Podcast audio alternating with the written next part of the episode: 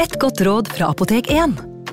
Nå er snart pollensesongen i gang, og et godt råd til deg som sliter med pollenallergi, er å begynne behandlingen i god tid før allergisesongen starter. Da får du nemlig enda bedre effekt av legemidlene, og så blir ikke våren din helt ødelagt. Kom innom og få råd på ditt nærmeste Apotek 1, eller chat med oss på apotek1.no. Apotek 1 vår kunnskap, din trygghet.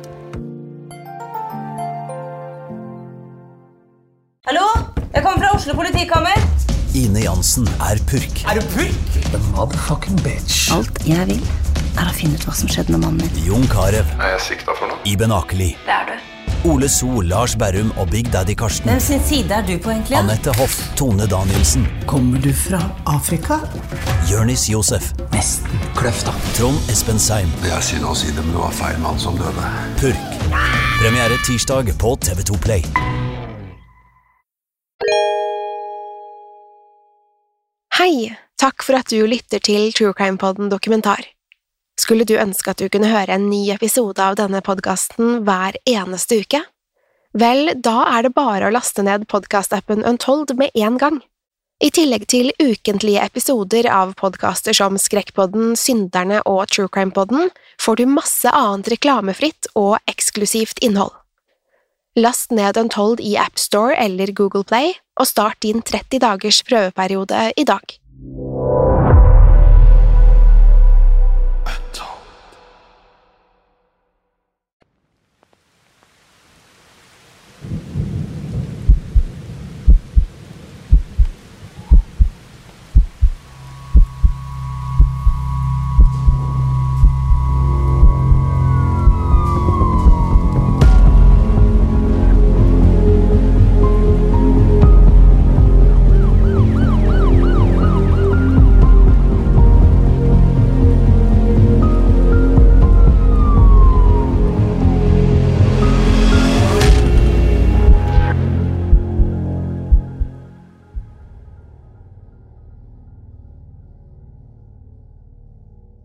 Mørket var i ferd med å senke seg over de øde skogsområdene utenfor byen Sundsvall i Vesternorrlandslen i Sverige. Langt ifra folk og bebyggelse var det ikke andre lyder enn de skogen lagde selv. Selv fuglekvitter hadde stilnet i påvente av natten.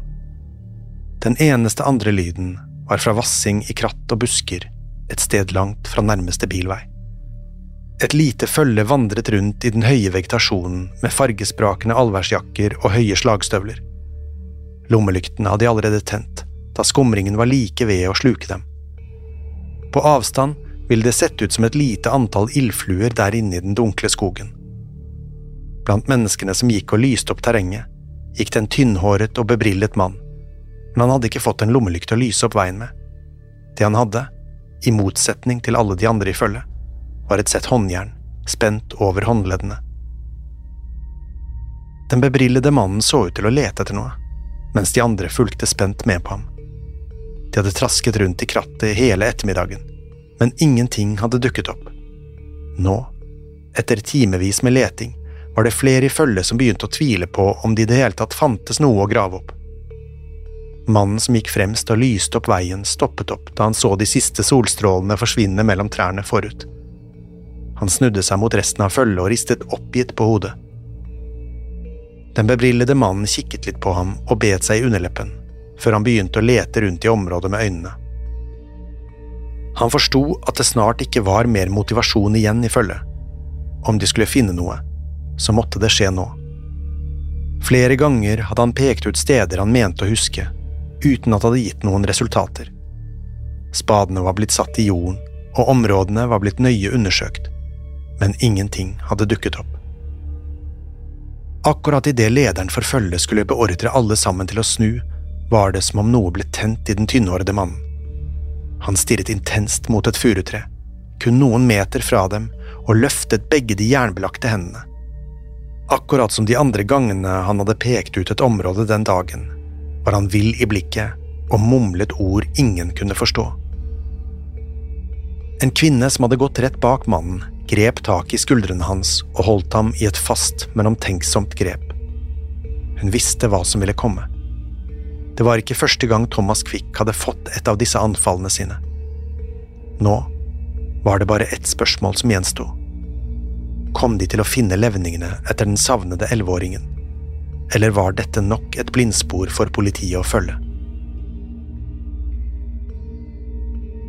Etter å ha vokst opp med skammen over egen legning, hadde Sture Bergwall måttet ty til rusmidler for å døyve inntrykkene. Bergwall hadde som ungdom innsett at han var homofil, og han var sikker på at foreldrene, som var pinsevenner, aldri ville akseptere det. Derfor holdt han legningen sin skjult for omverdenen, selv for de som sto han aller nærmest. Den første han hadde turt å fortelle hemmeligheten sin til, var en mann som het Tom. De hadde funnet hverandre og blitt et par, noe som gjorde Bergwall sikrere og tryggere. Sorgen var derfor knusende da Bergwall fikk nyheten om at Tom hadde tatt sitt eget liv, kun et års tid etter at de møttes. Bergwall hadde vært ensom hele oppveksten, men nå følte han seg helt alene. Han var sikker på at han aldri ville finne kjærligheten igjen, noe som sendte ham inn i en bunnløs depresjon. Enda verre skulle det bli da han som 19-åring begynte å forgripe seg på unge gutter han møtte i byen. Under et av de mest grusomme overfallene hadde han forsøkt å forgripe seg på en ni år gammel gutt på et lukket lager på sykehuset hvor han jobbet. Da gutten hadde gjort motstand, grep Bergwall tak om halsen hans og klemte til hendene hans ble blodige. Livredd for at han hadde tatt livet av niåringen, rømte han fra åstedet uten å vite hvordan det hadde gått. Han skulle likevel snart få greie på at gutten hadde overlevd, og at han kunne identifisere Bergwall. Dermed ble han arrestert for første gang, men i stedet for å fengsles ble han sendt til en institusjon for psykisk syke. Her skulle han behandles i tre år, før han ble løslatt igjen. Livet i det fri skulle ikke bli like langvarig for unge Bergwall. Kort tid senere ble han arrestert igjen etter å ha knivstukket en jevnaldrende gutt han møtte på byen en rekke ganger. Også denne gangen skulle Bergvalls offer overleve og kunne fortelle politiet hvem som hadde angrepet ham. Dermed ventet en ny runde i retten som førte til at Bergvall nok en gang skulle stenges inne på mentalsykehuset. Da han igjen var en fri mann, etter tre nye år innelåst, åpnet han en tobakksforretning med broren sin og forsøkte å få livet sitt på stell. En stund virket det til å fungere. Butikken ble et godt sted for Bergwall. Her fikk han tid til å roe tankene, samtidig som han tjente til livets opphold. Det var her han skulle bli kjent med en ung gutt som het Patrick. Patrick var en av mange barn og unge som pleide å henge rundt Bergvalls butikk, men for Bergvall var Patrick helt spesiell. Han tok gutten til seg, lot ham hjelpe til i butikken og ble godt kjent med familien hans. De ble etter hvert så nære at Bergvald til og med tilbrakte flere høytider med Patrick og familien. Selv om han ikke hadde noen familierelasjon til Patrick, var det ingen som syntes det var mistenkelig at de tilbrakte så mye tid sammen. Det burde de kanskje gjort. Da Patrick var blitt 18 år gammel, ble foreldrene hans skilt. Det skulle bli et hardt slag for ungdommen, og den eneste han følte han kunne stole på, var Bergwall. Det var ikke tilfeldig. Bergwall hadde brukt årene på å egle seg innpå Patrick, i det man på engelsk kaller grooming. Nå var han den eneste Patrick kunne venne seg til når ting var på sitt mørkeste. Patrick og den mye eldre Bergwall ble snart et slags par, og de flyttet inn sammen. Problemet var bare at ingen av dem hadde økonomi til å klare seg i det usedvanlige parforholdet. Om de skulle fortsette å bo som de gjorde, trengte de en stødig inntektskilde. Bergwall, som hadde brukt årevis på å sno seg nærmere Patrick, nektet å la penger stå i veien for dem. Dermed trengte han en plan, og det fort. Løsningen skulle vise seg å ikke bli spesielt ærlig og lovlydig. Etter minimalt med planlegging brøt Bergwall og Patrick seg inn hos en av byens banksjefer iført billige nissekostymer. De hadde truet banksjefen og konen hans med våpen, mens de ropte og skrek med fordreide stemmer og dårlige finske aksenter. Gevinsten fra ranet hadde vært mager, og som om ikke det var nok, hadde banksjefen kjent dem igjen. Dermed ble de arrestert og dømt for væpnet ran. Patrick ble satt i fengsel, men Bergwall ble sendt tilbake til institusjonen. Det var her merkelige og mystiske ting begynte å skje. På institusjonen viste Bergwall seg å være en så rolig og tillitsskapende mann at han ble bevilget dagsløslatelse kort tid etter ankomst. Det ville si at han kunne vandre fritt utenfor institusjonens murer på dagtid, så lenge han kom tilbake om kvelden. Dette tilbudet benyttet Bergwall seg av til stadighet. Han reiste ofte til Stockholm, hvor han besøkte Nasjonalbiblioteket. Der bugnet av bøker og gamle aviser, og Bergwall kunne bruke hele dagen på å lese gjennom alt som interesserte ham. I juni 1992, etter et par år på institusjonen, skulle det komme en dag litt utenom det vanlige. Bergwall pleide å ta terapitimene sine bra, og snakket villig med psykologene. Denne dagen var noe annerledes. Psykologen hadde sett det på ham da han kom inn og satte seg. Det var som han verket etter å fortelle noe, men de ville ikke tvinge noe ut av ham, så de lot han prate fritt. Et øyeblikk ble det stille før Bergwall lente seg bakover i stolen sin og smilte kjekt til psykologene. Så sa han med stemmen breddfull av mystikk at han lurte på hva de ville tro om han om de visste at han hadde gjort noe virkelig alvorlig. Da psykologene spurte hva han mente med det, skulle de få et svar de aldri hadde ventet seg. Bergwall gliste til dem og sa han skulle fortelle det, men kun til legen sin, en mann ved navn Kjell Persson. Problemet var bare at Persson ikke var på institusjonen akkurat da, og han ville ikke være tilbake før mars året etter. Psykologene forsøkte å få Bergwall på talefot, men det var til ingen nytte. Hans lepper var forseglet, helt til Persson returnerte til sykehuset våren 1993.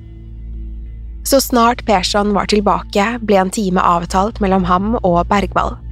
De satt i hver sin stol, på hver sin side av en pult, Persson med en penn og notatblokk klar, og Bergwall med det samme lure smilet han hadde hatt da han snakket med psykologene. Da Persson lurte på hva Bergwall hadde å fortelle, flirte Bergwall litt før han sa at han skulle fortelle det, men at han først hadde et krav. Han ville ikke lenger omtales ved sitt virkelige navn, i stedet ville han bli kalt Thomas Quick. Persson var en erfaren lege og visste hva han drev med. Han var fullt klar over at han ble nødt til å spille med om han skulle ha noe håp om å nå inn til pasienten. Derfor nikket han og bekreftet at han fra nå ville kalle Bergwall Thomas Quick, før han ba Quick fortelle det han hadde på hjertet. Det var da Quick fortalte noe Persson på ingen måte hadde regnet med. Ifølge Quick var han en morder og hadde tatt livet av noen i 1964, da han var kun 14 år gammel. Persson kunne ikke tro sine egne ører. Han hadde vært sikker på at han hadde med en pedofil ransmann å gjøre, men her satt han ansikt til ansikt med en morder. Kvikk smilte da han fikk se Perssons reaksjon, og fortsatte. Han sa han hadde drept en jevnaldrende gutt som het Thomas Blomgren. Kvikk fortalte han hadde bortført Thomas fra en park i byen Veksjø, før han hadde forgrepet seg på ham og kvalt ham til døde. Persson var nærmest målløs, men klarte å få frem ett enkelt spørsmål. Hvorfor hadde ikke Kvikk fortalt noe om dette tidligere? Da sa Kvikk at han plutselig hadde kommet på hendelsen, som om minnet hadde vært fortrengt alle disse årene. Nå gikk alarmene på institusjonen. Var Kvikk virkelig en morder? Og i så fall, hvordan skulle de forsikre seg om at han snakket sant? Kvikks dagløslatelse ble straks inndratt, og politiet ble kontaktet. Da de fikk høre hva Kvikk hadde tilstått, kunne de ikke skjønne noe som helst. De hadde allerede arrestert noen for drapet på 14 år gamle Thomas Blomgren, så de kunne ikke forstå hvordan Kvikk kunne være involvert. Det spilte heller ingen rolle. Den mye omtalte drapssaken var for lengst foreldet, så Kvikk kunne uansett ikke dømmes for drapet. Likevel ble politiet og personalet på institusjonen mistenksomme. Hvis Kvikk virkelig var ansvarlig for drapet på Thomas Blomgren, hva annet kunne han ha gjort? Det skulle de snart få greie på. For Kvikks tunge hadde for alvor løsnet. Plutselig innrømmet han også å stå bak en av Sveriges største forsvinningsgåter. I november 1980 hadde en elleve år gammel gutt som het Johan Asplund, forsvunnet fra sitt eget hjem i Sundsvall, midt på lyse dagen. Saken hadde fått enorm medieoppmerksomhet og snudde hele nasjonen på hodet. Den siste som hadde sett gutten, var et vitne som påsto å ha observert ham fullt påkledd utenfor sitt eget hus. Der hadde han stått og sett ganske forvirret og undrende ut. Etter det var det ingen som kunne si å ha sett Johan igjen, noensinne. Han hadde aldri kommet frem til skolen den dagen, og kom ikke hjem igjen på ettermiddagen. Leteaksjonen som fulgte, var enorm. Fotografier av elleveåringen var å finne på hver eneste avisforside landet rundt, og både myndigheter og frivillige lette høyt og lavt etter ham hver dag og natt. Likevel dukket ingenting opp. Gutten var og forble borte. Fra begynnelsen hadde politiet en mistanke om at det var Johans tidligere stefar som kunne stå bak forsvinningen. Etter bruddet mellom han og Johans mor skal han ha vært ekstremt sjalu. Ved flere anledninger skal han til og med ha truet henne med at han skulle skade Johan. Det virket som en enkel sak å føre for retten. Likevel fantes det ikke annet enn indisier mot mannen. Dermed ble det ikke noe av noen drapssiktelse. Gutten var borte, og politiet hadde ingen flere spor å gå etter, men nå satt Thomas Quick der og påsto å ha stått bak den mye omtalte saken. For andre gang ble politiet tilkalt, og Quick ble tatt med til avhør. Der skulle han fortelle alt fra den morgenen Johan Asplund forsvant. Da politiet ville vite hvordan det hele hadde gått for seg, var ikke Quick sen med å greie ut om saken. Ifølge Quick hadde han kjørt rundt i Sundsvall om morgenen den 7. november 1980 og fått øye på gutten der han var på vei til skolen. Han hadde stanset et lite stykke bak og gått ut av bilen og ropt elleveåringen til seg. Til å begynne med hadde Johan virket skeptisk, men snart fikk Quick ham på glid. Quick hadde sagt at han hadde sett en katt løpe under bilen hans, og lurte på om ikke Johan kunne hjelpe han med å få den ut. Det ville gutten gjerne, og han lente seg ned for å kikke under bilen. Det var da Quick slo til. Han grep tak i guttens hode og smalt det så hardt han kunne mot bildøren. Johan falt bevisstløs om på bakken, og Quick fortet seg og løfta ham inn i bilen sin. Så kjørte han av gårde, uten at noen hadde lagt merke til det han hadde gjort. Han kjørte så langt at han havnet i et øde skogsområde utenfor byen, før han endelig stoppet opp. Ifølge Quick hadde han forgrepet seg på gutten før han kvalte ham til døde. Da gutten var død, påsto Quick at han hadde partert liket og gravde ned på forskjellige steder rundt om i skogen. Det eneste han beholdt, var fingrene, som han mente han hadde spist. Etterforskerne som hørte på Quicks tilståelse, kunne ikke tro sine egne ører. Dette var mye mer brutalt enn de noensinne kunne sett for seg og drapsmannen satt rett foran nesene på dem. Nå, over et tiår etter elleveåringen forsvant, satt de kanskje med svaret på hva som hadde skjedd med ham. Nå ble det for alvor oppstyr rundt Thomas Quick. Tilståelsen i den beryktede forsvinningssaken gjorde hele Sveriges befolkning oppmerksomme på ham, og han prydet hver eneste forside i avisene de neste dagene. Hadde de endelig løst mysteriet om Johan Asplunds forsvinning? Mange var overbevist om det. Likevel var ikke alle enige. Blant dem som tvilte på Kvikk, var guttens foreldre. De var rasende etter at nyhetene om Kvikks tilståelse nådde folket. For dem fantes det kun én sannhet. De var sikre på at det var Johans tidligere stefar som måtte stå bak ugjerningen, og mente Kvikk var en løgner. Til tross for det kunne ikke politiet la tilståelsen forbigå i stillhet. De følte de var nødt til å ta Kvikk alvorlig, spesielt fordi dette var det andre drapet han hadde innrømmet, helt uoppfordret. Derfor fortsatte de å spørre Kvikk om Johan Asplund, og snart skulle de få flere detaljer. Kvikk mente nemlig å huske at Johan hadde hatt flere arr på kroppen. Om dette stemte, måtte det bety at Kvikk i det minste hadde en eller annen tilknytning til gutten. Derfor ba de foreldrene komme med opplysninger om alt av merker og arr på Johans kropp. Til å begynne med var de skeptiske til å gi informasjon til politiet, fordi de var redde for at det ville påvirke avhørene. Likevel skulle de snart ikke ha noe valg, da politiet beskyldte dem for å holde tilbake bevis i en drapssak. Det viste seg at Johan aldri hadde hatt arr av den typen Kvikk hadde beskrevet. I stedet hadde han et tydelig fødselsmerke som moren kunne markere på en tegning. Da denne informasjonen ble tatt videre med til Kvikk, innrømmet han å huske akkurat dette fødselsmerket. Nå ble det virkelig satt fart på etterforskningen. Quick ble tatt med ut i skogene for å vise hvor han hadde gravd ned levningene etter Johan. Likevel skulle ingenting dukke opp, selv ikke med trente likhunder. Det kunne virke som saken mot Quick var i ferd med å rakne, men det hindret ikke myndighetene fra å sikte ham for bortføring og drap. Quick var klar til å stilles for retten for drapet på Johan Asplund. Han virket sikker i sin sak, til tross for at han ikke kunne finne igjen levningene han hadde gravd ned i skogen. For myndighetene ga det mening at det var Kvikk som var gjerningsmannen. Om det stemte at han hadde tatt livet av noen i en alder av 14, var det ikke usannsynlig at han hadde gjort det igjen i voksen alder. Dessuten var han allerede dømt for overgrep mot yngre gutter. At han i tillegg husket merker på Johans kropp, gjorde ham til en sterk kandidat. Dermed var scenen satt for rettssaken, hvor det en gang for alle skulle avgjøres om Quick var en morder eller ikke. Alt hadde vært klappet og klart, om det ikke var for én en eneste ting. Thomas Quick var nemlig ikke ferdig med å tilstå.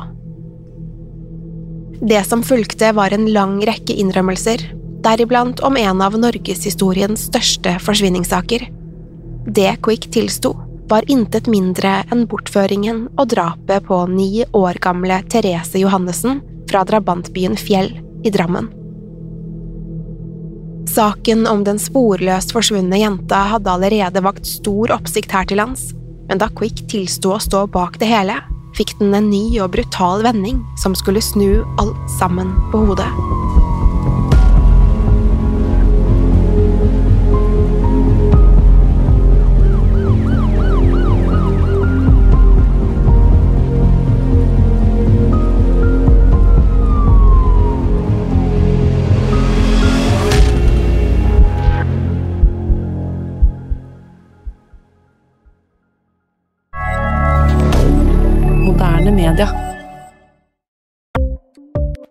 Ukens annonsør er Folio, en smartere banktjeneste for deg som har en egen bedrift eller ønsker å starte for deg selv.